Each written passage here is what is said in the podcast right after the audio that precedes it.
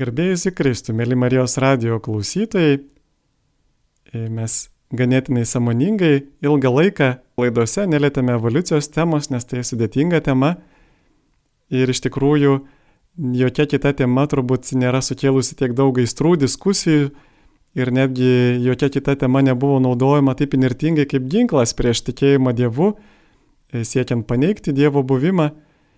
Ir nors bažnyčia yra pasisakiusi, kad evoliucija yra, tiksliau, popiežius Jonas Paulius II asmeniškai yra pasakęs, kad evoliucija yra daugiau negu hipotezė, mes matome tam tikrų duomenų, kad evoliucija iš tiesų vyksta, tačiau šioje laidoje išgirsime mokslininko Günter Bechlį paaiškinimą, ką iš tikrųjų rodo paleontologija, ką iš tikrųjų rodo gyvų organizmų iškasenos fosilijos, nes būtent jos atskleidžia tikrąją gyvybės istoriją, kas iš tikrųjų įvyko. Ir Darvinas savo metu dar neturėjo pakankamai duomenų apie fosilijas. Mes po 160 metų turim tikrai daug duomenų, daug daugiau negu Darvinas ir galime daryti tam tikras išvadas.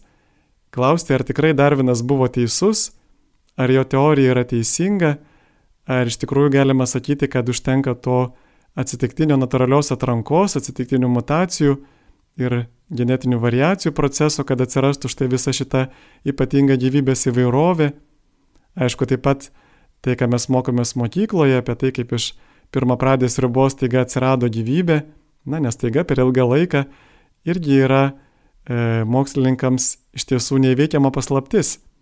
Jie iš tikrųjų neturi nei žalio supratimo, kaip ta gyvybė atsirado. Ir šiandien mes vis dėlto atkreipsime dėmesį labiau į pačią Darvino evoliuciją, į jo teoriją ir bandysime klausti, štai padedami šio mokslininko paleontologo Günter Bechlį, ar iš tikrųjų Darvinas buvo teisus. Kviečiame pasiklausyti įrašo, kuris yra YouTube kanale, Discovery kanalo ir taip pat e, girdėsite to įrašo vertimą su klausimais ir atsakymais. Neturėjau progos asmeniškai e, apklausti šio mokslininko, bet ir nebuvo reikalo, nes Jo pasisakymas taip ir patiktas internete klausimų ir atsakymų forma, tad kviečiame pasiklausyti.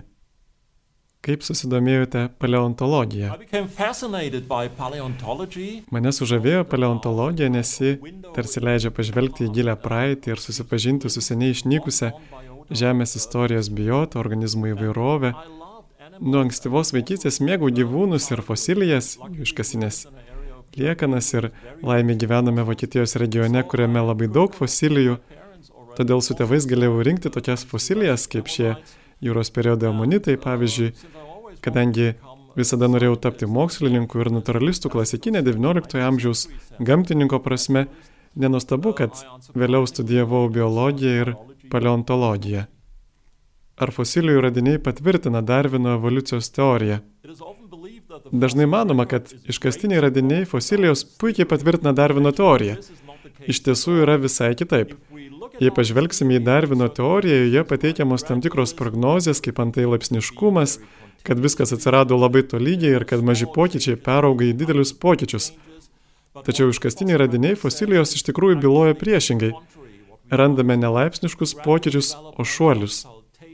Randame nelaipsnišką vystimąsi, o staigų naujų formų ir naujų kūno planų atsiradimą. Ir šie prieštaringi įrodymai iš tikrųjų jau buvo žinomi Čarlzui Darvinui. Ir ši prieštaringų iškastinių įrodymų problema mus lydi iki šiol. Ir tai yra viena iš priežasčių, dėl kurių Stevenas Goldas sakė, kad iš, iki šiol tai yra savotiška paleontologų komercinė paslaptis. Kodėl dauguma darvinistų tvirtina, kad fosilijų radiniai patvirtina jų teoriją? Priežastis, dėl kurių daugelis darvinistų mano, kad fosilijų duomenys tikrai patvirtina Darvino teoriją, yra šios. Pirma, atrodo, kad fosilijų duomenys nustato geologinį laiką ir pokyčius laikui bėgant. Kitas dalykas yra tas, kad fosilijų duomenys nėra chaotiški. Jie yra išsidėstę tvarkingai ir taksonomiškai. Tai reiškia, kad jie geologinė kolona kelsite iš gilumos į viršų, iš senesnio amžiaus į naujesnį, apskritai rasite desningumą, nuo mažiau sudėtingo prie sudėtingesnio, nuo mažiau panašaus į šio laikinę florą ir fauną prie labiau panašaus į šio laikinę florą ir fauną. Ir galiausiai turime perinamųjų fosilijų, kurios atrodo yra tarpinės anatomijos požiūriu, O kartais jas netgi galima suskirstyti į prieinamasias serijas, pavyzdžiui, arklių seriją, bet ir tai yra problema. Visi šie įrodymai geriausiu atveju leidžia teikti, kad egzistuoja bendri protėviai ar bendras protėvis, tačiau jie nepagrindžia jokio nevaldomų atsitiktinių mutacijų ir natūralios atrankos proceso, kurį teigia Darvinas. Fosilijų duomenys iš tiesų prieštarauja Darvino teorijai dėl šių šuolių ir nutrukimų. Taigi visiškai netiesa, kad fosilijų duomenys patvirtina Darvino teoriją, o Darvino laipsniškumo prognozė nebuvo atsitiktinė. Iš tikrųjų, Darvinas savo knygoje Rūšių kilmė šešis kartus paminėjo Natura non facet salters. Gamta nedaro šuolių, nes žinojo, kad šuoliams reikėtų kažkokių stebuklingų įsiterpimų. O šuoliai yra tai, ką iš tikrųjų dokumentuoja fosilijų duomenys apie gyvybės istorijoje įvykusius dalykus. Kokius iššūkius fosilijų radiniai kelia Darvino teorijai? Iškastiniai fosilijų radiniai Darvino teorijai kelia kelis didelius iššūkius. Vienas iš jų yra tas, kad teorija numato lietus pokyčius, bet fosilijų duomenys rodo greitus pokyčius. Kitas, teorija numato laipsniškus pokyčius mažai žingsniais, bet fosilijų duomenys rodo staigius pokyčius dideliais žingsniais. Toliau nėra įrodymų, kad laipsniškai vienos rušies forma pereitų į kitą. Be to, matome, kad fosilijos daugiausia pasiskiršiusios filogenetinių medžių kraštinėse šakose, bet jų daugiausia trūksta vidiniams šakoms ir mazgams, kur jų turėtų būti pagal teoriją.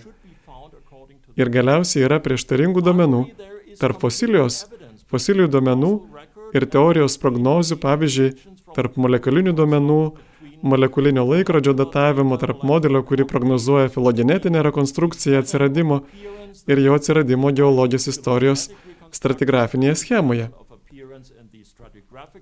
Ir galiausiai dažnai pasitaiko fosilijų, kurios yra ne vietoje, rastos ne toje vietoje ir ne tuo laiku, ir visiems šiems prieštaringiams įrodymams įvertinti reikia specialių paaiškinimų, kad būtų galima pateisinti šiuos prieštaringus įrodymus. Vienas iš tokių specialių paaiškinimų, pavyzdžiui, yra vadinamosios vaiduokliškos linijos. Visiškai hipotetiniai fosilijų egzistavimo laikotarpiai, apie kuriuos nėra jokių duomenų. O kaip dėl Darvino idėjos apie daugelį mažų pokyčių vedančių prie didelių pokyčių? Ar fosilijų radiniai patvirtina bent tai? Priešingai neįprasta manyti, iškastiniai radiniai visai nepasakoja apie laipsnišką vystimąsi arba apie laipsniškus pokyčius, kurie virsta dideliais pokyčiais. Tačiau iškastiniai radiniai fosilijos pasakoja apie staigius smarkius pokyčius apie šuolius. Ir šių įrodymų, šių prieštaringų įrodymų, kurie nepatvirtina Darvino teorijos, nebegalime paaiškinti kaip per mažos imties padarinių ar kaip atsiradusių dėl fosilijų registro neišbaigtumo. Ar tik tai Darvino kritikai mano, jog fosilijų radiniai nepatvirtina Darvino teorijos? Visai ne tik Darvino kritikai, tokie kaip aš, mano, kad fosilijų duomenys kelia problemų Darvino teorijai. 2016-aisiais dalyvavau prestižinėje Londono karališkosios draugijos konferencijoje, kuri vadinosi naujos tendencijos evoliucinėje biologijoje.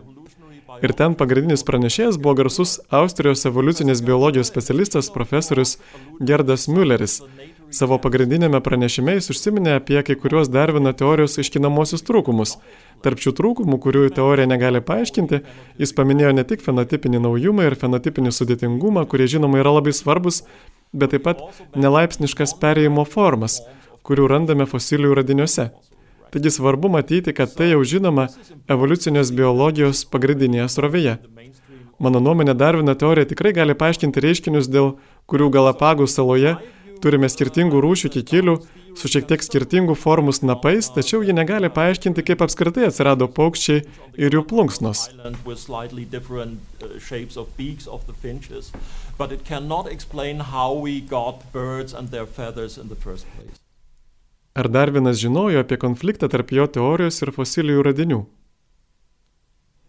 Čarlzas Darvinas puikiai žinojo, kad jo teorija nesutampa su fosilijų įrodymais. Todėl jis vylėsi, kad tai galima paaiškinti fosilijų duomenų neišsamumu, mūsų nepakankomomis geologijos žiniomis ir tikėjosi, kad laikui bėgant spragos bus išpildytos ir galiausiai teorija patvirtins fosilijų duomenys. Tačiau taip neatsitiko. Dabar mes žinome daug daugiau nei Darvinas ir laikui bėgant, didėjant žinioms apie fosilijų istoriją, problema neišnyko, ji netgi tapo aštresnė. Ką tokio žinome mes, ko nežinojo Darvinas? Taigi kokia situacija yra dabar, praėjus 160 metų po Darvino? Darvino bandymas paaiškinti fosilijų radinių įrodymus kaip žinių apie fosilijų radinius trūkumą ir dėl fosilijų registro neišbaigtumo yra nepagrystas. Ir štai kodėl.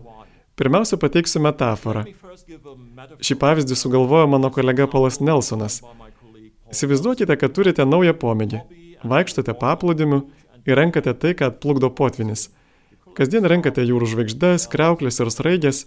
Kasdien randate ką nors naujo, bet ilgainiui daug kas ima kartotis ir galiausiai sulaukite dienos, kai vėl ir vėl randate tik tai, ką jau buvote radę. Tada žinote, kad surinkote pakankamai mėginių, juk žinotumėte, kas ten yra. Būtent toks metodas taikomas paleontologijoje, siekiant statistiškai patikrinti fosilijų radinių išbaigtumą. Ir paleontologijoje jis vadinamas kolekcionieriaus kreive. Daugumos organizmų grupių atveju žinome, kad fosilijų duomenys yra pakankamai išsamus, kad būtume tikri, jog mūsų pastebėtos spragos ir nutrūkimai nėra nepakankamos imties ar neišsamaus fosilijų registro padariniai, o iš tikrųjų duomenys, kuriuos reikia paaiškinti. Tačiau yra dar viena priežastis, kodėl šie reiškiniai negali būti žinių spragos padarinys. Jei tai būtų spragos, turėtume tikėtis, kad laikui bėgant jos mažės. O akivaizdžiai nelaipsniški perėjimai taps laipsniškesni. Tačiau iš tikrųjų matome, kad didėjant turimoms žinioms apie fosilijų istoriją problemas neišnyksta, o dar labiau vis didėja ir didėja. Ir tai rodo, kad gamta tarsi nori mums kažką pasakyti. Ką apie visas šias perinamasias formas girdime žiniuose.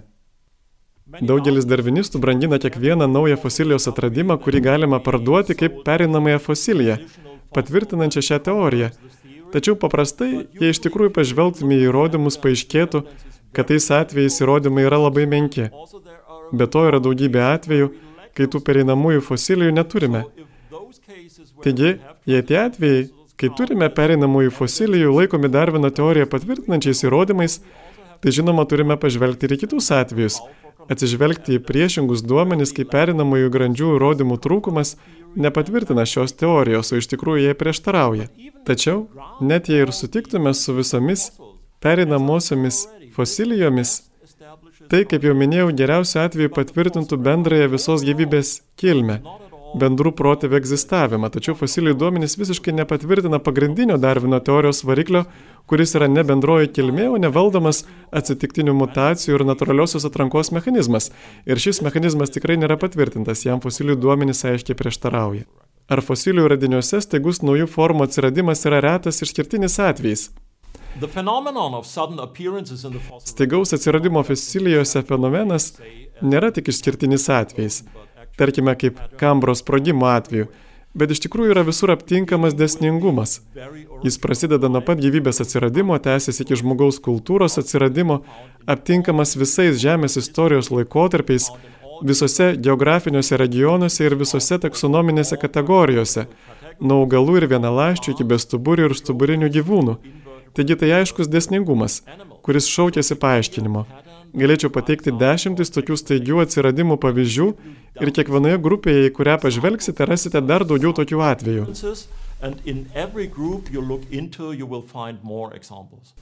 Kokių staigių pokyčių gyvybės istorijoje pavyzdžių galėtumėte pateikti? Keletas tokių staigų perėjimų pavyzdžių būtų pavyzdžiui gyvybės atsiradimas, fotosintezės atsiradimas, vadinamasis Avalono sprogimas, iš kurio kilo keista Ediakro periodo organizmo visuma. Kambros sprogimas, kai atsirado praktiškai visi gyvūnų kūnų planai. Tada vadinamasis didysis Ordoviko periodo biologinės įvairovės atsiradimas. Toliau būtų Devono periodo nektaro revoliucija, rodontoninė revoliucija. Taip pat Silūro Devono periodo sausumos revoliucija, kada atsirado sausumos augalai karbono periodo vabzdžių atsiradimo sprogimas, triaso periodo sprogimai, kurie apima jūrinių roplių ir keturkojų, tokių kaip dinozaurai kilmę. Tada turime bjaurę paslapti, kaip ją pavadino Darvinas, žydinčių augalų kilmę. Tuomet terciaro laikotarpio drugelių atsiradimą, turime terciaro paukščių išplitimą, šio laikinių paukščių atsiradimą, turime terciaro placentinių žinduolių išplitimą, turime didįjį homogenties sprogimą. Ir galiausiai turime staigų žmogaus kultūros atsiradimą viršutinio paleolito žmogaus revoliucijos metu.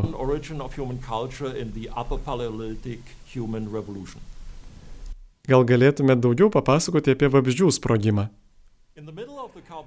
Karbono periodo viduryje randame pirmosius skraidančius vabzdžius ir jie jau diferencijuojasi į labai skirtingas šiuolaikinių skraidančių vabzdžių grupės. Ir tai ne tik tos grupės, kurias darvinistai laiko primityviomis, pavyzdžiui, lašalai ir žirgeliai. Iš tikrųjų, jos primityvos tik ta prasme, kad užima šakas rekonstruotose filogenetiniuose medžiuose, kurios laikomos labai ankstyvomis, tačiau jų anatomija labai sudėtinga. Jie turėjo sudėtingas akis su nuostabia regėjimo sistema ir labai sudėtingų skrydžio valdymo mechanizmų. Jie galėjo skristi kaip sraigtasparniai, taigi jie buvo sudėtingi, bet laikomi labai ankstyvais evoliucijos dalyviais. Tačiau kita vertus, tuo pat metu jau randame labai pažengusių vabžių grupių, pavyzdžiui, pirmųjų vabalų ir pirmųjų vapsvų. Ir jie turėjo tokį vos nestebuklingą vystimąsi, kai leliukės stadijoje lerva ištirpsta savotiškoje sriboje, o visa anatomija persitvarko į visai kitokį suaugusio kūno planą. Ir stulbinantis dalykas, tam nėra jokių fosilijų pirmtakų, nėra jokių patikimų perinamųjų grandžių, tiesiog staiga atsirado šis visiškai susiformavęs nuostabus dalykas. Papasakokite daugiau apie triaso periodo sprogimą.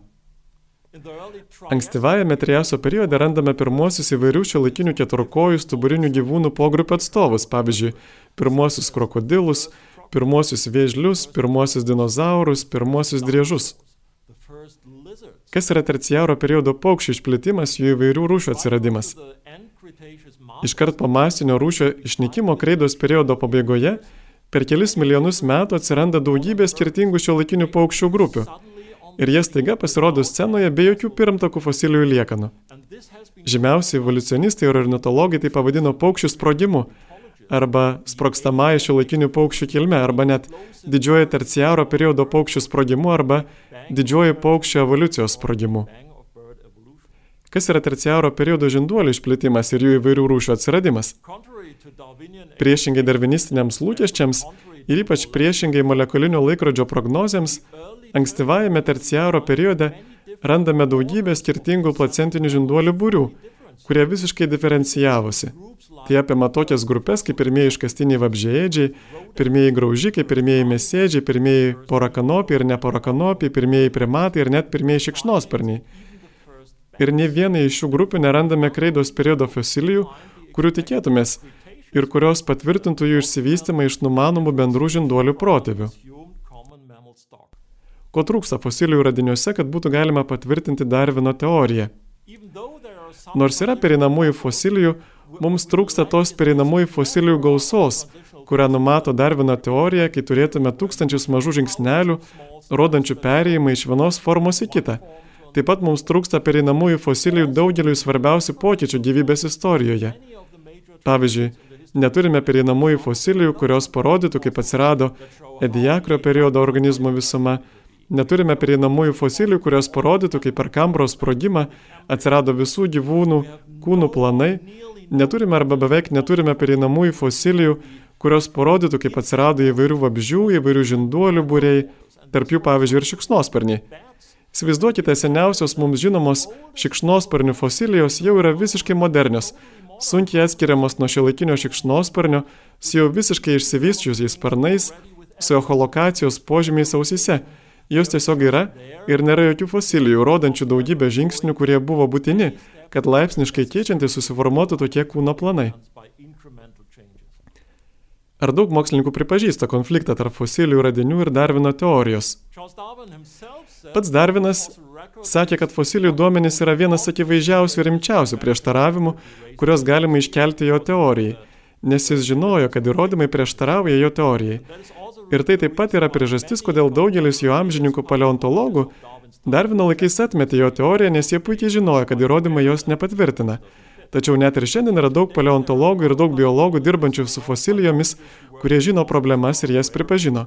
Tarp jų, pavyzdžiui, yra Džordžas Gaylordas Simpsonas, galbūt įtatingiausias 20-ojo amžiaus paleontologas, arba Ernstas Meyeris, kuris yra vienas iš šiuolaikinės evoliucijos sintezės kuriejų. Jie buvo aiškiai pripažino, kad fosilijų duomenys rodo netolygų vystimasi ir kad jie netitinka darvinizmo laipsniškos evoliucijos prognozių. Tada turime tokius žmonės kaip Kolinas Pattersonas, kuris buvo Britų muziejaus paleontologijos kuratorius ir vienas iš kladistikos metodų, kuris pagal bendrus požymius nustato organizmų giminystę, kuriejų. Jis sakė, kad trūksta pereinamųjų fosilijų. Tada yra Davidas Raufas, kuris buvo Čikagos lauko gamtos istorijos muziejaus kuratorius ir vienas iš penkių didžiųjų masinių rūšių išnykimo atradėjų.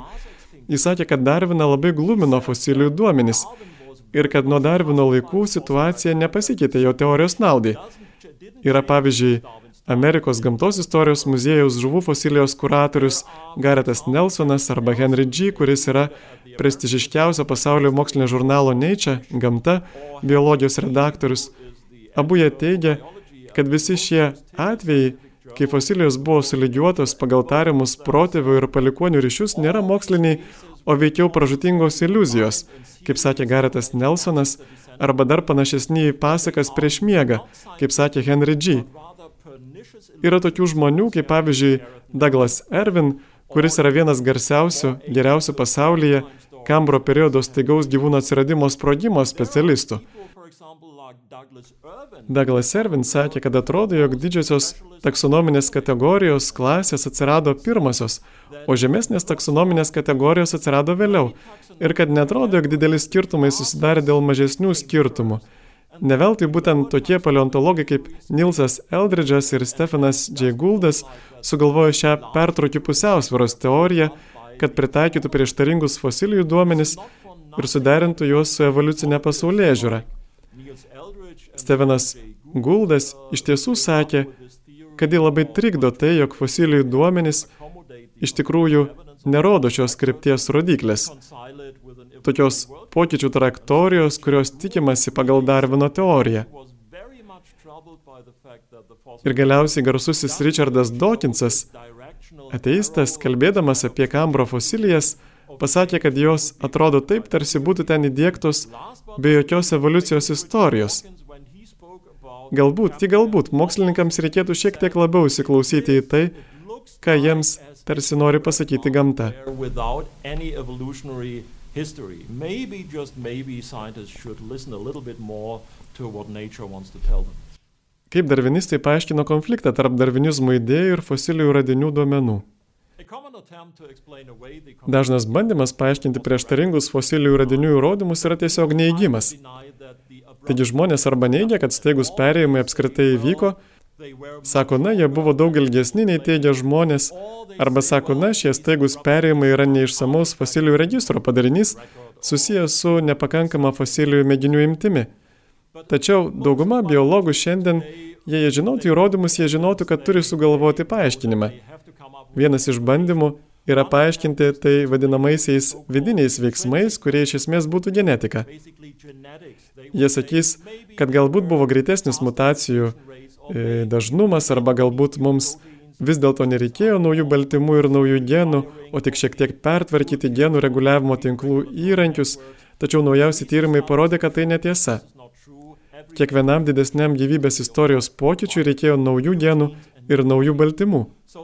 Dar vienas bandymas tai paaiškinti yra išoriniai veiksniai ir jie yra dviejų rušių. Vienas jų yra kitos gyvos būtybės vadinamieji biotiniai veiksniai ir tai būtų pavyzdžiui konkurencija, padidėjusi konkurencija arba padidėjęs plėšrumas, tam yra toks terminas raudonosios karalienės hipotezė, pavadinta pagal vieno Luiso Kerolio romano Alisa Veidrodžio karalystėje veikėja, kur raudonoji karalienė turėjo bėgti greičiau, kad išliktų ten, kur buvo. Kita išorinių veiksnių rušis - abejotiniai negyvėjai veiksniai. Tai visos tos hipotezės, kurios apeliuoja į padidėjusią arba sumažėjusią degonies kiekį, kitokį klimatą, pasaulinį apledėjimą, meteorito smūgį arba didelį ugnikalnių aktyvumą. Ir bum, tai paaiškina, kodėl staiga atsirado dinozaurai ir panašiai. Visų šių vadinamųjų paaiškinimų problema yra ta, kad ne vienas iš jų iš tikrųjų negali paaiškinti, iš kur atsirado nauja informacija. Galbūt tai yra tam tikros sąlygos, kurios buvo būtinos pokyčiui arba kurios lydėjo pokyčius, bet jos tikrai nėra pakankamos priežastis tam pokyčiui. Taigi visi žinome, meteorito smūgis naujo geno nesukuria. Kas yra evoliucijos laukimo trukmės problema? Tikrai fatališka problema Darvino teorijai, mano nuomonė, yra vadinamoji laukimo trukmės, angliškai waiting time problema. O laukimo trukmės problema kyla dėl dviejų disciplinų, kurios paprastai laikomas gerai paremenčiamis darvinizmą deriniu. Viena vertus tai iškastiniai fosilijų radiniai, kurie akivaizdžiai parodo geologinį laiką ir perinamasias formas, taigi konstatuoja makroevoliuciją. Ir kita vertus, populiacijų genetika, kuri nustato mikroevoliuciją. Prisiminkime sparimo vaistams evoliucija petrilėkštelėje esančiose mikrobose. Todėl žmonės mano, kad jei sujungsime šios du dalykus, tuomet ilguoju laikotarpiu mikroevoliucija paaiškins makroevoliuciją. Tačiau iš tikrųjų, jei sujungsime šias dvi disciplinas ir šių dviejų disciplinų įrodymus, randame didelę problemą, nes jei naudojama populiacinės genetikos matematinį modeliavimą, pamatome, kad geologiškai nustatyti laiko tarpai, per kuriuos gali įvykti įvairūs žemesni pokyčiai gyvybės istorijoje, turėtų būti milijardus kartų ilgesni, kad per juos galėtų atsirasti bei išplisti būtini genetiniai pokyčiai protėvių populiacijoje. Ir tai iš esmės rodo, kad Darvino teorija, neodarvinistinis mechanizmas yra matematiškai neįmanomas ir neįvykdomas. Ar egzistuoja laukimo trukmės problema žmonių atsiradime? Jei pažvelgsime į žmogaus kilmę, tai šio laikinis mokslas padarė labai netikėtą išvadą. Vieni žymiausi evoliucionistų Stuartas ir Šmitas atliko skaičiavimus, kiek laiko reikia vienai koordinuotai mutacijai atsirasti protėvių žmonių populiacijoje ir nustatė, kad tam prireiktų 250 milijonų metų. Tačiau fosilijų radiniai rodo, kad laiko tarpu reikalingam žmogaus linijai atsiskirti nuo šimpanzių ir didžiųjų beždžionių linijos prireikė tik 6 milijonų metų, taigi turimi 6 milijonai metų, o būtų reikėję 250 milijonų metų, skaičiai paprasčiausiai nesutampa ir nėra taip, kad būtų pakakę vienos koordinuotos mutacijos. Net jei tarp šimpanzių ir žmonių genomo yra tik 5 procentų skirtumas, tie 5 procentai reikštų milijonų skirtumų DNR bazių porose. Taigi laiko paprasčiausiai nepakanka visiems šiems genetiniams pokyčiams žmogaus linijoje, kurie yra prieinami pagal fosilijų duomenys.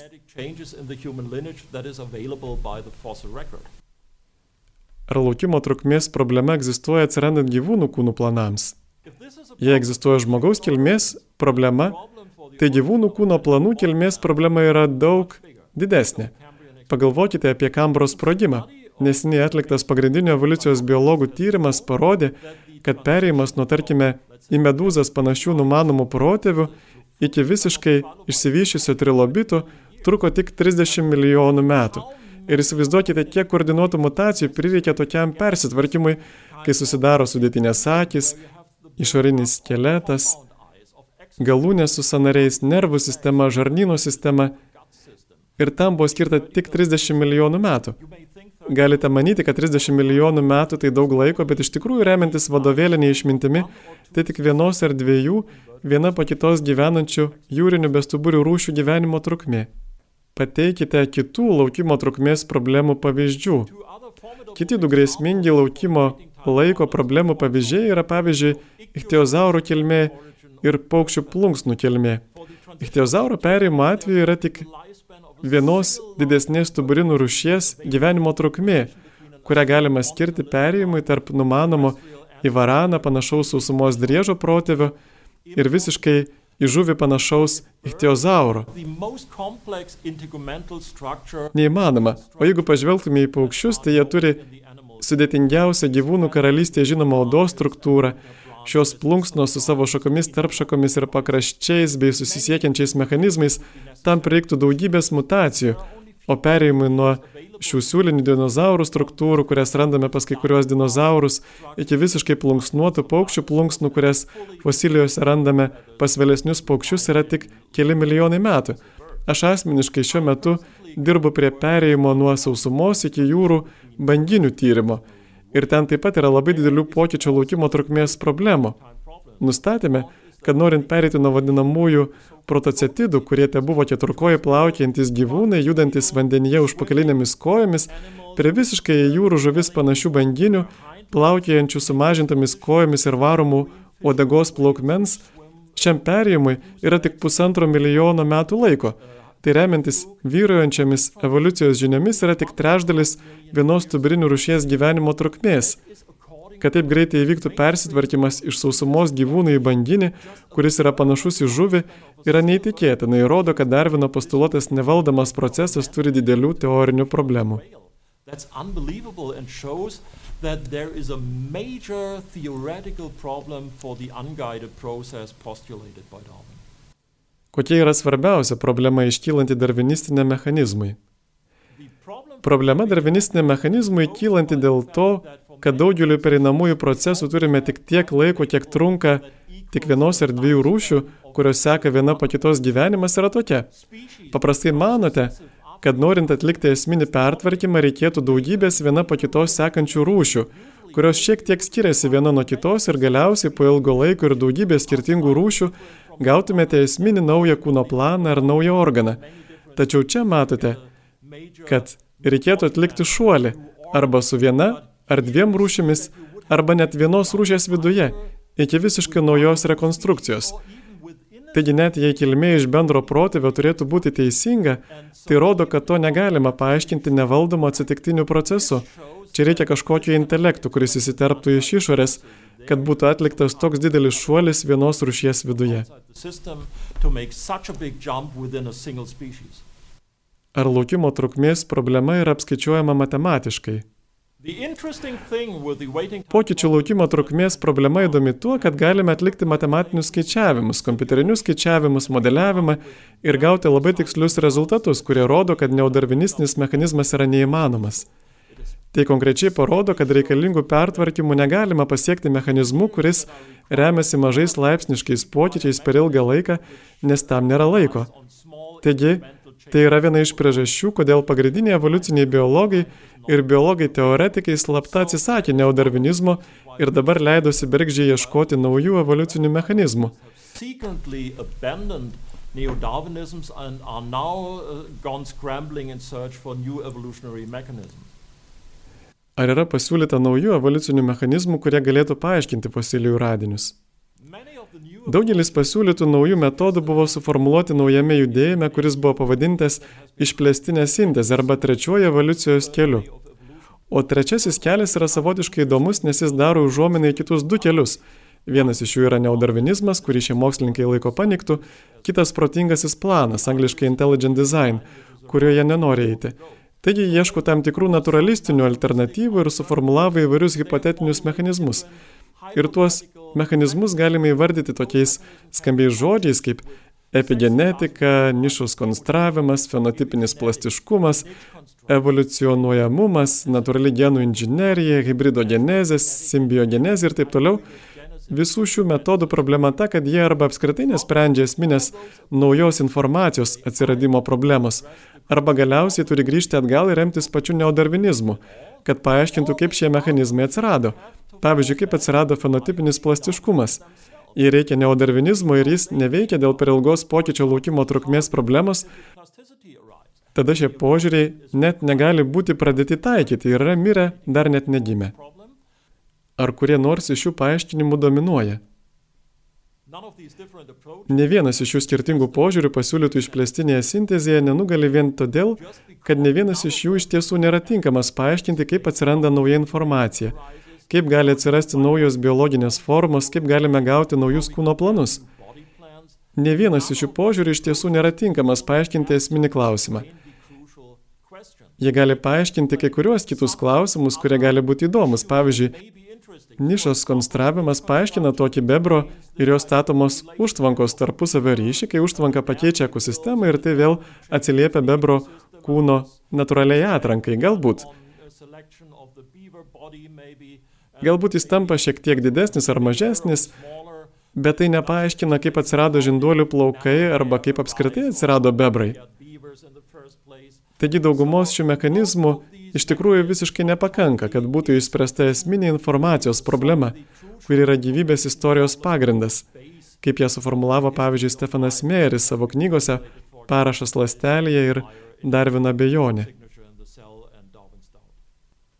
Iš kur galėjo atsirasti naujos biologinės informacijos sprogimai gyvybės istorijoje? Mes žinome tik vieną priežastį, kuri per tokį trumpą laiką galėtų sukurti tiek daug informacijos. Ir žinome tik vieną priežastį, kuri apskritai galėtų sukurti naują veikiančią formą. Ir ši priežastis veikia ne per atsitiktinius pokyčius. Ši priežastis numato galutinį tikslą, surenka visas reikalingas dalis ir tada įdėgia reikiamą informaciją. Informacija reiškia materijos formavimą į struktūrą, kurie gyvendina šį galutinį tikslą. O ši informacija turi iš kažkur atsirasti. Ir mes žinome, iš kur jie atsiranda. Architektai, inžinieriai, programuotojai ar menininkai, jie visi gali kurti naujus sudėtingus dalykus, nes jie yra protingi. Protas yra vienintelė mums žinoma priežastis, galinti sukurti tokį efektą.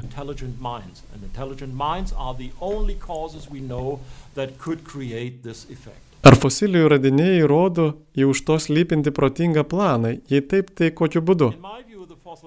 Mano nuomonė, fosilijų radiniai aiškiai nurodo į protingą planą, nes stebimi pokyčiai įvyko gerokai per greitai, kad juos būtų galima paaiškinti nevaldomų naturalistiniu procesu. Juos reikia paaiškinti protingų veiksnių.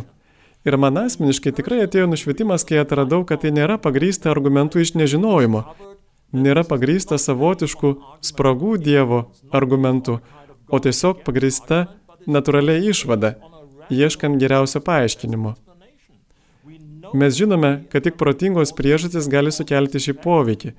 Žvelgiame į įrodymus ir matome, kad šie įrodymai aiškiai nurodo į šią protingą priežastį.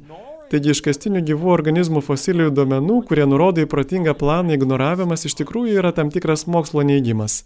Kas nutinka mokslininkams, kurie kritikuoja darvinistinę evoliuciją? Iš mokslininkų laukiama, kad jie nekritikuotų darvinistinės evoliucijos, ypač ne dėl mokslinių priežasčių. Asmeniškai stebėjau, kaip mokslininkai, lyderiaujantis mokslininkai, kurie kritikavo neodarvinizmą, net ir iš esmės gamtamokslinių požiūrių buvo polami, o jų kompetencija buvo ginčiama vien dėl to, kad jie puolė šią valdančią ideologiją. Tačiau daug blogesnis būtų jūsų likimas, jei priimtumėte protingai planą kaip geresnį paaiškinimą. Iš tikrųjų, man taip nutiko gamtos istorijos muziejuje Štutgarte.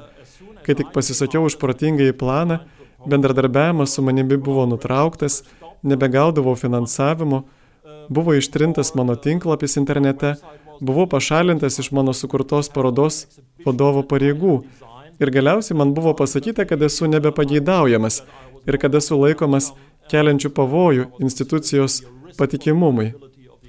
Taigi nenustabu, kad daugelis mokslininkų net jei slapta abejoja darvinizmu, apie tai atvirai nekalba ir lieka paslaptyje. O po to, kai atsiskleidžiau kaip protingojo plano šalininkas, su manimi susisiekė du garsus kolegos, kurie yra žinomi mokslininkai ir pasaulinio garso savo sričių ekspertai ir labai konfidencialiai pasakė, kad jie patys ėmė abejoti neodarvinistiniu procesu. Taigi tikriausiai tokių yra daugiau, nei mes manome.